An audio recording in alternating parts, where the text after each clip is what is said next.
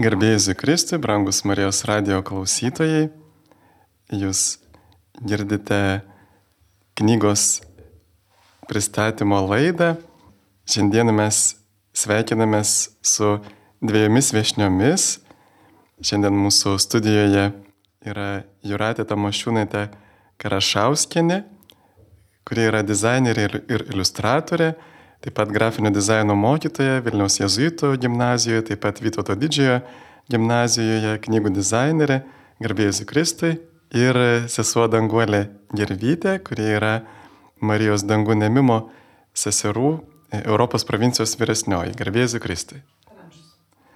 Tai labai džiaugiamės, kad sutikote ateiti laidą ir pasidalinti savo naujų kūdikių jūs išleidote jau trečią serijos perskaitęs duok kitam knygą apie Šiluvą, taip, apie lobį Šiluvoje. Ir tikrai labai intriguoja ir, ir pats pavadinimas, ir visi paveikslėliai. Taigi, kaip kilo šitą idėją, ar iškart planavote visą seriją leisti knygų? Tikriausiai viskas prasidėjo nuo knygelės apie Lietuvos katalikų bažnyčios kroniką Ir e, tą knygą leidome prieš porą metų, dar buvo karantino pabaiga ir tiesiog mes gavom pakvietimą, tokį užsakymą iš Bažnyčios kronikos fondo parašyti ką nors vaikams. Tai tas ką nors vaikams gimė tokia iliustruota knyga, kuri yra istoriškais faktais paremta, bet, na, pateikta kaip tokia iliustruota istorija. Ir jos tikslas gal ne tiek visus faktus pateikti, nors tie faktai yra teisingi ir jie yra patikrinti, bet daugiau, na, tą įkvepiantį pavyzdį parodyti drąsių žmonių, kurie nebijojo sovietmečių kovoti už žodžio laisvę, už tikėjimo laisvę. Ir baigus tą knygą mes pamatėm, kad iš tikrųjų tai ji labai patinka ne tik vaikams, bet patinka ir suaugusiems. Tada aš jau senokai turėjau tokį norą, ką nors parašyti apie Adelę Drisytę, kadangi na, mane gal ji traukė kaip mokytoja, kaip moteris Ir e, kelionės metu Sibirė, aš buvau net sustojus toje vietoje netoli Varkuto ščiumoje, kur buvo jos pirma trimties vieta. Na tai tarsi buvo kažkoks emocinis ryšys ir labai norėjusi tarsi atiduoti duoklę jai. Bet tuo pačiu metu, kai rinkom medžiagą apie Dėlę Dirsytę čia Lietuvoje, paraleliai rinkom ir apie Šiluvą. Tai prieš metus, pernai vasarą, kaip tik mes čia praleidom visą savaitę, ir apie Adelę Dirsytę, ir apie Šiluvą, taip paraleliai rinkdamos medžiagą, žiūrėdamos viską turi čia, kokius galima nusifotografuoti, susirinkti, pasitikrinti šaltinius ir panašiai. Tai taip atsirado ir trečia serijos knygutė Lobis, slapta kelionė į Šiluvą, kuri pasakoja Šiluvos senąją istoriją ir taip pat sovietmetį iki popiežiaus Jono Pauliaus antrojo apsilankimo Šiluvoje. Ir turbūt, kaip minėjote, jūs ruošitės netrumpą laiką, taip? Čia nais gyvenote Šilovoje, dar turbūt važinėjot po įvairius archyvus. Kiek, kiek užtruko laiko pasiruošti šitą e, knygą? Tai čia dvi knygas vienu metu beveik ruošiam, tik tai maketas buvo pirmiausia Adelės ir ji buvo, Adelė buvo išleista knygų mūgiai vasario mėnesiui, o ši knyga vat būtent šiliniams 23 metų. Tai kartu, na, tai yra metų darbas, abi knygutės, abi knygelės padarėm per šiuos metus. Nuo 22 vasaros iki 23 rudens. Na, va, tai irgi gali perskaityti per dieną, o dirbti reikėjo visus metus. Taip, tai darbo iš tikrųjų yra, nes pirmiausia, tai yra tas visas teksto, teksto rašymas. Pirmiausia, yra medžiagos susirinkimas tiek vaizdinės, tiek faktinės. Paskui yra teksto rašymas, na ir paskui yra didysis dizainerio darbas, tai yra visas nuotraukų tvarkymas, ypatingai senų nuotraukų, tai yra daug dalykų, ko skaitytojai nemato. Pavyzdžiui, mes čia juokavom, kad Adelė, Adelės nuotraukytė, kuri yra ant viršelio ir kuri paskui tapo tuo bylos uždarimo Lietuvoje paveikslėliu, tai gal Adelė, Adeliai pačiai patiktų, savęs gal nepažintų, kaip yra iš senos nuotraukos atkurta padaryta tokia beveik šio laikinė nuotrauka. Tai čia yra už to slypi valandos darbo. Bet aš irgi galvoju, reiškia, čia yra dar blogiau negu šeimininkė, kuri visą dieną dirba, pagamina maistą ir tada per valandą kažkas, tiksliau, per 10 minučių suvalgo. Tai čia dar blogiau, jūs visus metus dirbate. Ir čia, bet, bet užtat pliusas tas, kad perskaičius reikia duoti kitam ir kad štai jūs metus dirbote, o, o žmonės gali daug tūkstančių, gal net ir šimtų tūkstančių žmonių perskaityti tas knygelės, o koks yra jų tiražas, ar, ar didelis? Šitos knygelės Šiluvos yra 1500. O, tai bet, tai čia jau tikrai reikės perskaičius duoti kitam. Taip, bet aš manau, kad artuma, artumai teks leisti pakartotą leidimą, kas ir atsitiko su knyga apie kroniką irgi yra, jau eina į pabaigą antras pakartotas leidimas. O, labai džiaugiuosi. Jūratė, o su kokiais iššūkiais jūs susidūrėte irgi būtent šitą seriją leisdama, iliustruodama? Taip, tai man pirmiausia buvo labai įdomu sužinoti tikrus faktus ir pamatyti tikras, tikrą medžiagą, ką mes ir panaudojame knygelį. Kaip ir kronikos, pavyzdžiui, mes apsilankėme bažnyčios kronikos muziejuje ir mums parodė tos tikrai foto, pavyzdžiui, aparatą arba fotojuostelę, kur buvo fotografuojama pati perfotografuojama kronika spausdinimo mašinėlė, kuri buvo tikra. Tai visose, šiaip visose leidiniuose yra naudojama tikra medžiaga. Kaip ir, aišku, čia mes dabar šiluvos tai ne viską turėjome, tai teko netgi važiuoti į Kernavę ir fotografuoti tą senąją architektūrą, kuri atitiktų tą laikmetį, to amžiaus laikmetį, kada kūrėsi Šiluvoje miestelis, kaip gyveno žmonės, tai tos medžiagos iš tiesų teko labai daug susirinkti. Ir Labai mums padėjo, aišku, ir Šiaulių aušos muziejus e, davė mums senųjų fotografijų, taip pat ir Šiluvos infocentras pateikė mums nemažai medžiagos. Tai, nu, vat, teko viską susirinkti, susifotografuoti ir paskui pradėti kurti e, leidinuką. O kodėl šią knygą galima skaityti iš dviejų pusių? Tai... Aš čia, tarp kitko, prisiminiau vieną anegdotą, kaip e, tikras anegdotas buvo apie abi pusės, kur ateina žmogus į laidotuvės ir tiksliau dar prieš eidamas į laidotuvės neša tokiam, kaip čia nežinau, tos profesijos žmonės vadinasi, kur ant vainikų rašo, sako, užrašykite čia nais ilsėkis ramybėje. O nu, ant abiejų pusių užrašykite. Na ir paskui tavo vainiką pasiima, atneša į laidotuvės ir tas žmogus, kuris priima, sako, žiūri, kaip čia toks įdomus palinkėjimas, sako, kas šitą tą vainiką atnešė, nu aš čia atnešiau, čia mano labai gražus vainikas, sako, kaip čia dabar tai palinkėta ilsėkis ramybė ant abiejų pusių. Nes užrašė žmogus ilsėkis ramybė ant abiejų pusių. Tai Kad va, iš abiejų pusių paskaitytų. tai, tai va, iš tikrųjų, kaip, kaip jūs tą, tą knygą, kodėl ją galima skaityti iš abiejų pusių? Taip, tai čia, na, toksai, čia dizaineriai sugalvojo tokią. Žaidimas čia. Žaidimas, bet iš tiesų tame yra mintis, kad e, mes pirmą dalį skaitom visą tą istoriją, Šiluvos senąją istoriją, kaip aš vadinu, paveikslas, apsiriškimas. Čia piligrimystės visos, kurios vyko XIX amžiaus spaudos draudimas ir taip toliau prasideda e, netgi koplyčios statybos, viskupas pašventina kertinį akmenį, jau čia viskas veiksmas liktai atrodo eina kylančia tokia banga. Ir prasideda antras pasaulinis karas, gyvenimas apsiverčia aukštin kojom, ant KVD suiminėja žmonės, prasideda tremtis. Ir kadangi gyvenimas apsivertė aukštin kojom, apvers knygelę ir skaityk, kas atsitiko visai neseniai. Ir tada kita pusė yra gal taip, nu, neproporcingai antra dalis laiko atžvilgių didesnė, užima tiek pat, kiek ir senoji istorija, gal trupučiuką mažesnė, bet e, dėl to, kad sovietmetis yra labai svarbus, nes Šiluva tapo ne tik tikėjimo, bet ir tokios laisvės simboliu. Tai yra visos tos piligriminės kelionės į Šiluvą, suiminėjimai, saugumo persekiojimai.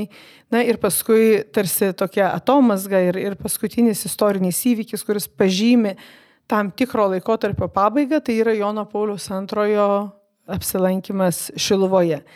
Ir rašant tą antrą dalį, jeigu pirmai dalį, tai daugiau rinkom istorinius faktus iš archyvų, įvairius įrašus, nuotraukas iš, iš muziejus ir panašiai, Tai antra dalis yra pagrįsta pokalbiais su tų laikų piligrimais. Tai tarkim, kalbinom Aušą karaliūtę, seserį Liną Striokaitę, kunigas Strioką, kuris tada buvo paauglys ir vienintelis iš visos piligrimų grupės, kažkaip jam vienais metais pavyko pasiekti Čiluvą, nes buvo mažas fikrus ir, ir, ir jo ten nesusėmė prie lydų vienų tilto arba, tarkim, Arūnas Dobiliauskas, kuris kartu iš Kibartų čia kartu su kunigu Tamkevičium tuo metu Kibartų vikaru, dabartiniu kardinolu, žodžiu, keliaudavo čia. Tai jau tos istorijos, jos yra papasakotos remintis tų žmonių atminimais ir interviu su jais. Ir tenais dar mačiau toks yra skirelis apie keulių marą, prie ko čia tas keulių maras.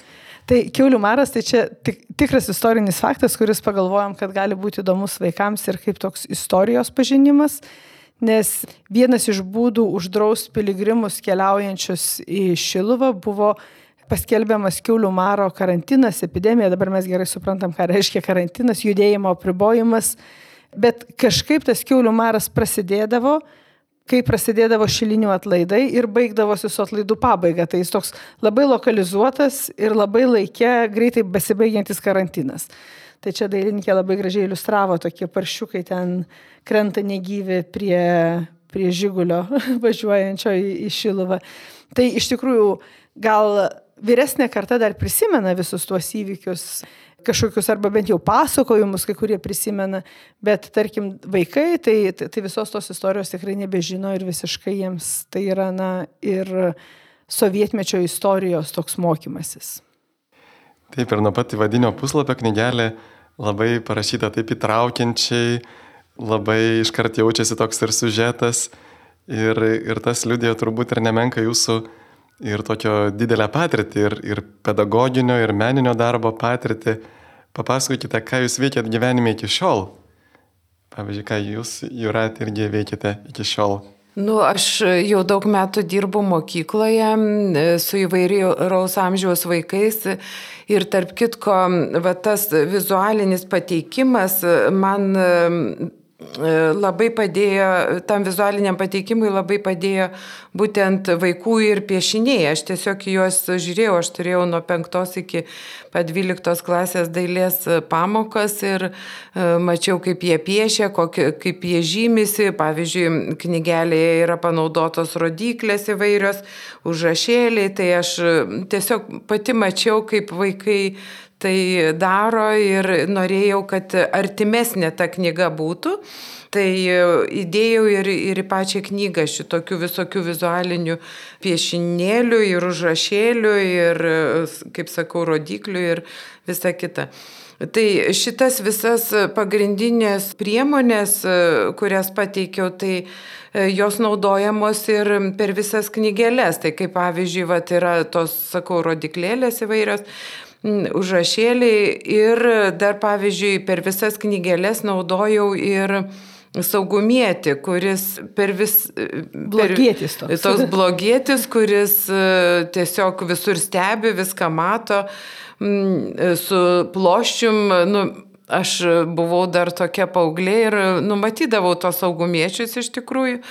Tai man va tas įvaizdis yra likęs iš vaikystės, kad, nu, su plošium, su skrybelė, tokie tarybiniais laikais, kaip jis galėjo atrodyti ir, ir tiesiog va jisai toks kaip veikėjas eina per visas knygelės. Tiesiog man, galima sakyti, patys mokiniai, paaugliai netgi labiau negu vaikai inspiravo, kaip pateikti tą seriją. O jūs, Danguolė, turbūt irgi turite pedagoginio darbo irgi patirtį. Taip, tai tikrai taip. Tai tas rašymas, tai čia yra mano ir profesija, aš esu baigus žurnalistikos studijas ir esu dirbus žiniasklaidoje nemažai. Tai rašyti yra natūrali veikla. O patirtis su vaikais, tai aš tikrai daugelį metų dirbau Teofiliaus Matulionio gimnazijoje, sielovadininkė ir taip pat parapijoje, vienuolijos, sielovados veiklose. Tai man tas kontaktas su vaikais yra labai natūralus. Aš su vaikais dirbau daugiau negu su saugusiais. Tai kaip jie masto, kas juos stebina, kokius klausimus užduoda, yra natūraliai man žinoma, yra, na, bent jau nuspėjama nesunkiai. Gerbėmi Marijos radio klausytojai, girdite laidą knygų lentynoje. Šiandieną pristatome knygą iš serijos perskaitęs Duok kitam, lobis apie Šiluvą, Šiluvos senąją ir, ir naujesnį istoriją, sovietmečio istoriją. Ir laidoje šiandien su mumis dalyvauja sesuo Danguolė Gervytė, Marijos dangų nemimo seserų Europos provincijos vyresnioji ir taip pat Juratė Tamošiūnaitė Karašauskinė, šios knygų serijos dizainerė ir iliustratorė. Taip pat knygelė labai praturtina ir skaitytojus labai prajuokina įvairių senovinių dokumentų citatos. Pavyzdžiui, man buvo labai įdomu skaityti, kad Petras Getgaudas su žemėmis bažnyčiai paliko ir dešimt kaimiečių, jų pavardės išvardintos ir šūba kailinius kasmet ir dvi kapas grašių druskai pirkti kasmet. Atrodo tikrai labai, labai jokingai, va tokie visi senoviniai dalykai. Taip, tai iš tikrųjų mes įdėjom ir faksmilės kai kurių raštų, kurių turėjom, ir paskui tuos raštus perrašytus, nes man atrodo, kad vaikams tai yra na, toks istorinis pažinimas. Ir knygelė ir prasideda nuo to, kad tai vyko, visa tai vyko Lietuvoje tada, kai dar nebuvo še ir čia raidžių ir buvo rašoma uh, tokiais kaip lenkiškais rašmenimis. Tai, na, čia toks kaip kultūrinis, kultūrinis um, pažinimas. Uh, Aišku, Getgaudas turėjo daug pretenzijų, palikdamas ant amžių, kaip prašo visą tą palikimą, tai man atrodo, Šiluva negauna nei druskos, nei kailinių kasmet, tai čia yra pono toks pretenzija, tarsi jis visam amžių amžiais galėtų mokėti druskai. Taip, tai iš tikrųjų mes tų istorinių įvairių, tai ir sovietmetį, tarkim, mes dedam citatas iš kronikos, yra personažas, kurio vardas yra Jonas Išmisločius. Tai yra tokios vienos knygelės apie Šiluvą veikėjas, e, kuris atkeliauja į Šiluvą kaip piligrimas ir, ir, ir Šiluvoje jis nuėjęs e, pasimeldžia prie panos Marijos, nusprendžia toliau negerti arielkos, dorai gyventi ir uh, rūpintis savo šeima ir, ir, ir dorai atlik darbus. Tai čia tiek apie tą religinę jo patirtį, o paskui iš tiesų visa knygelė yra apie tai, kaip jis apsipirkinėja Šiluvos jomarkė, tai turguje. Tai čia yra tokia XIX amžiuje Mikalojaus Akelaičio parašyta Šiluvos istorija. Tokių ištraukų tikrai dėjom, nes mums atrodo, kad jos yra visiškai įdomios. O šie knygelė taip pat paliečiate ir katalikų bei protestantų susiskaldimo dramą, kuri vyko XVI amžiuje ir kaip tik ir Šilvoje. Iš tų laikų turime įvairių liudijimų. Ir jūs jau kaip, e, galėtume sakyti, to Šilovos istorijos e, ekspertės, kadangi daug tyrėte, ieškojo duomenų, iš tikrųjų, kodėl įvyko tasai skilimas tarp katalikų ir protestantų. Ar čia mes galim katalikai sakyti, kad va štai čia jie nuo mūsų atskilo, čia tik jie kalti, o mes čia nekalti? Mm. Tai iš tikrųjų tas skilimas neįvyko Šiluvoje. Šiluva išgyveno pasiekmes viso to vakarų Europos bažnyčios e, skilimo. Tai pirmiausia, mes e, turbūt nelaikom savęs istorikėmis, nuo iš tikrųjų kai aš baigiau rašyti tekstą, konsultavausi su istorikais ir daviau net perskaityti bažnyčios istorikui Liudui Jovaišai, Vilniaus universiteto dėstytojui, daktarui. Tai iš tiesų jis pateikė daug tokių įvairių pastabų, kurias, kai kurias priėmiau, kai kurių ne.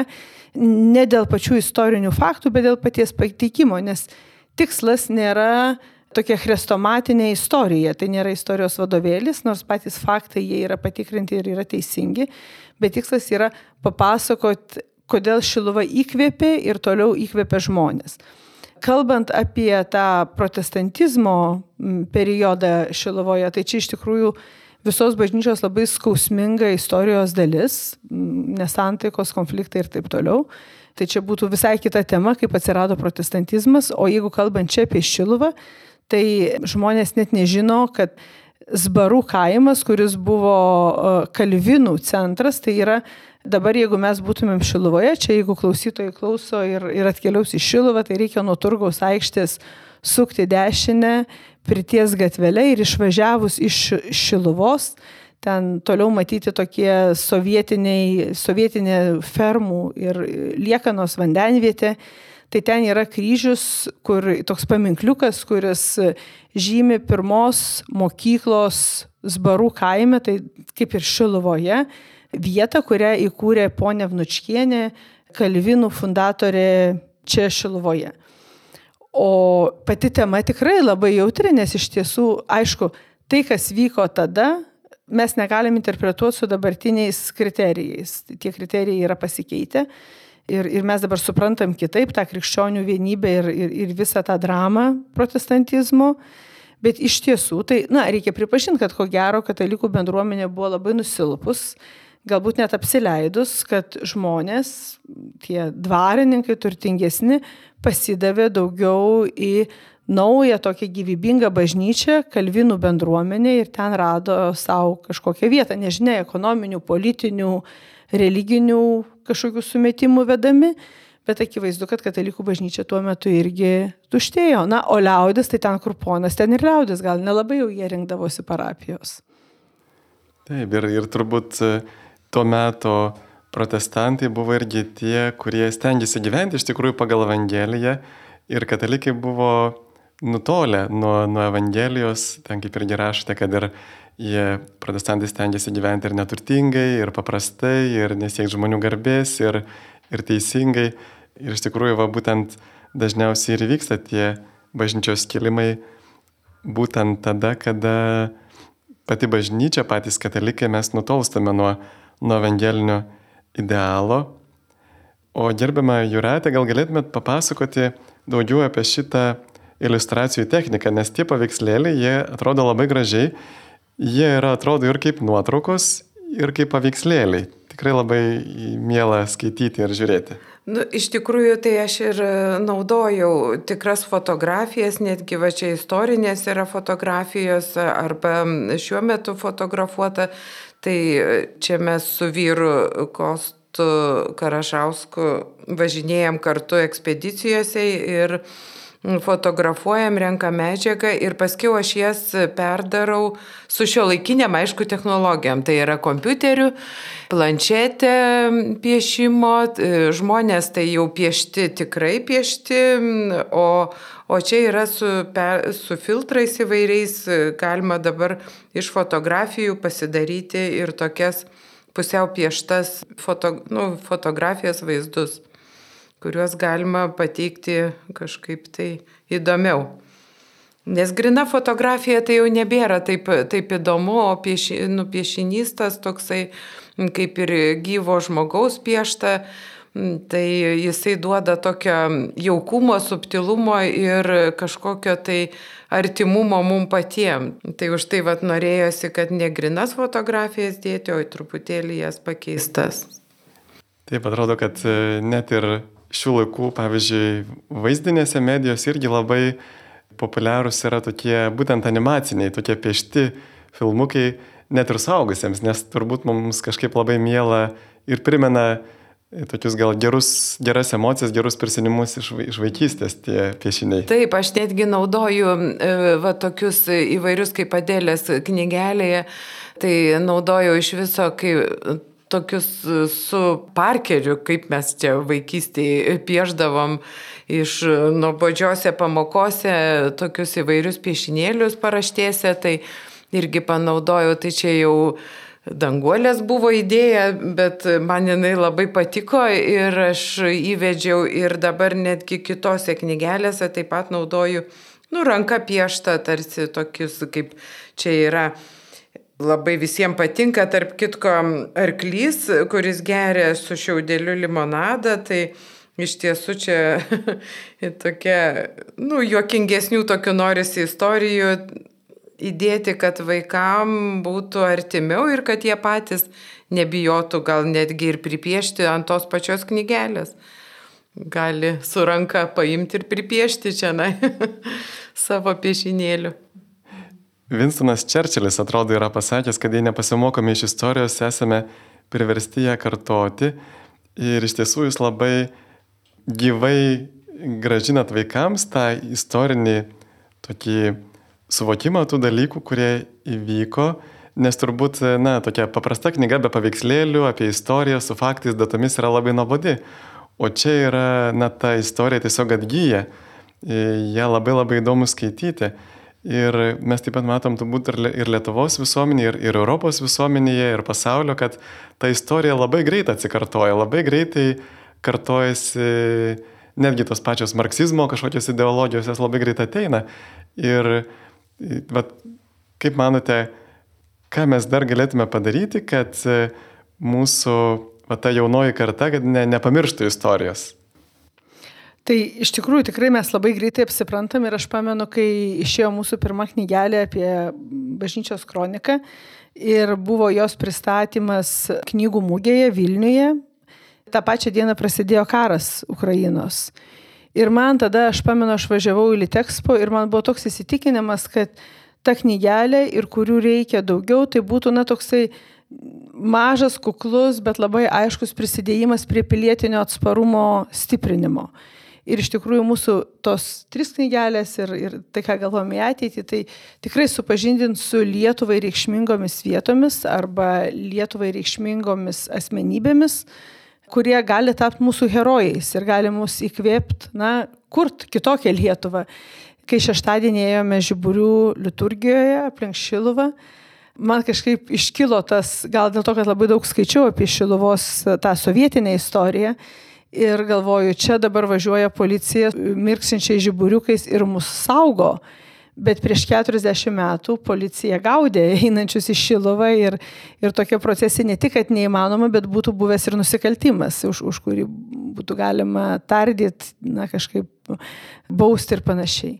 Tai man atrodo labai svarbu, kad vaikai, paaugliai, jauni žmonės iš tikrųjų žinotų tą istoriją ir, ir ugdytų savyje na, tokį tikrai atsparumą, aš, aš tai vadinu atsparumu. Ir žmonėms reikia įkvepiančių pavyzdžių.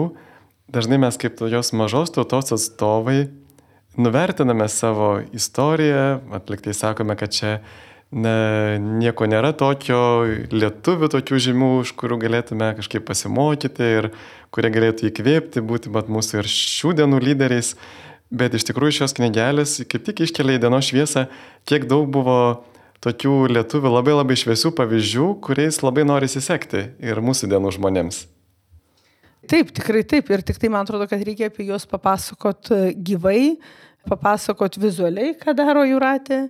Ir iš tikrųjų jie tikrai gali mus įkvėpti. Ir mes dar turim sąrašą, apie ką būtų galima papasakot. Ir apie ką, ką planuojate toliau? Tai artimiausių metų, tai va šiuo metu kaip tik pradedam rinkti medžiagą, tai būtų apie Stanislavą Venslauskenę, kuri kultūros pasaulyje žinoma kaip pirma profesionali aktorė, moteris, baigus profesionales e, teatro studijas, režisavo Amerika pirtyje pirmą lietuvišką spektaklį, dalyvavo tame tokiame lietuviškumo judėjime kartu su Petkevičiaitė Bite, kunigu Juozu Tumu Vaižgantu, kurį žinom irgi kaip rašytoja.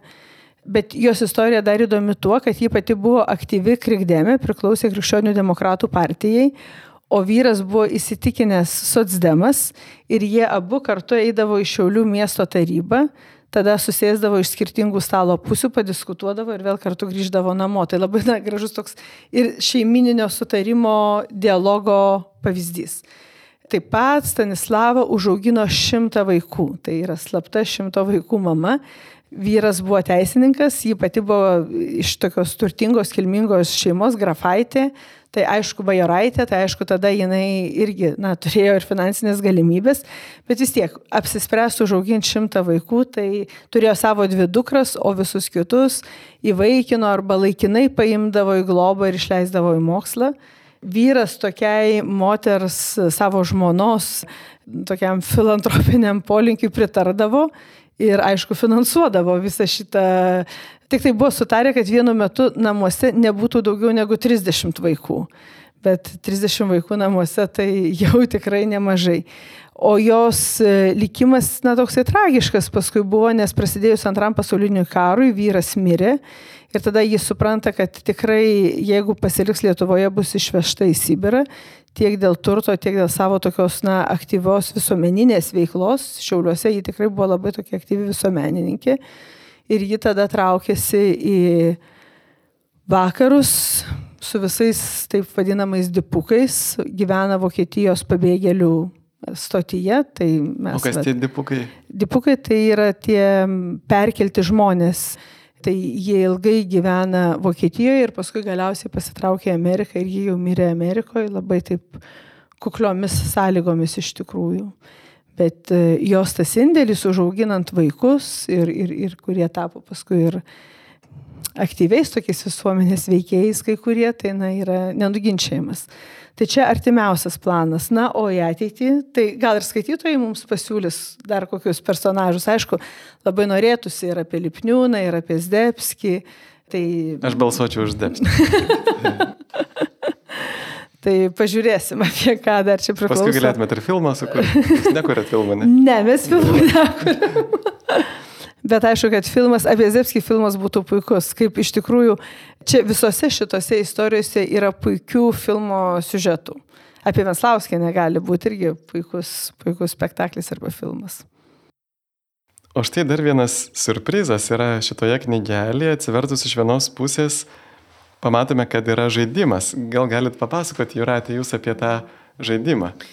Tai taip, čia nais yra, nu šiaip tai buvo tokia idėja, kad padaryti kelionę į Šiluvą.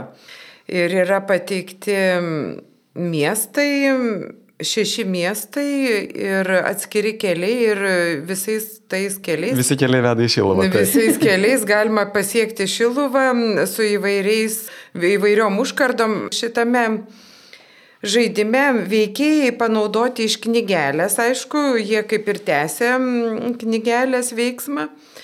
O visus kelius ir miestelius čia nupiešė mano sunus Mykolas Karašauskas.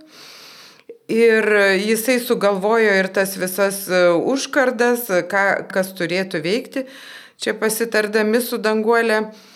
Ir, ir va toks gavosi didelis žaidimas, galima jį rasti knygelėje, taip pat mes jį atspaudėme ir didelio formato, iki 3 metrų, toks didžiulis, tentas ant žemės patiesiamas ir jį galima rasti Šiluvos infocentre ir atvykus į Šiluvą su vaikais gali visa šeima sužaisti. A, jis čia yra Šiluvoje, taip? Taip, ir jisai o Donatai, lieka. Mes nueisim pažaisti palaidos, gerai. Jo, ir jisai lieka ir galite išbandyti, kokie buvo tie keliai į Šiluvą.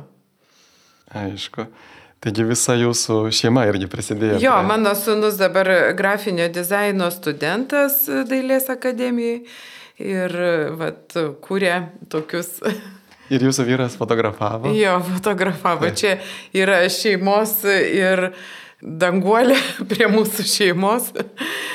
Tokia kūrybinis visas. Kūrybinė grupė. Jo, kūrybinė grupė. Taip. Tikrai džiaugiuosi jūsų kūrybiškumu ir manau, kad kiekvienas, kuris įsigys šitas knygelės, o beje Šiluvoje jos yra su didelė nuolada, taip, turbūt visas tris knygelės Šiluvoje galima įsigyti pigiau. Taip, taip, tai čia yra leidyklos kainomis ir, ir aš manau, kad e, artumoje visada galima įsigyti pigiau negu knygynuose, žymiai pigiau. Ir artumos leidykloje, taip. Taip. taip. Labai Jums dėkoju. Prie mikrofono buvo aš kunigas Sigitas Jurkštas. Šiandieną su mumis buvo sesuo Danguolė Gervytė, Marijos Dangunė Mimo seserų Europos provincijos vyresnioji, taip pat Juratė Tamošiūnaitė Karašauskinė, dizainerė, iliustratorė šios knygų serijos, taip pat grafinio dizaino mokytoja Vilniaus Jėzuito ir Vytauto didžiojo gimnazijose. Ir iki kitų susitikimų sudė. Sudė. Sudė.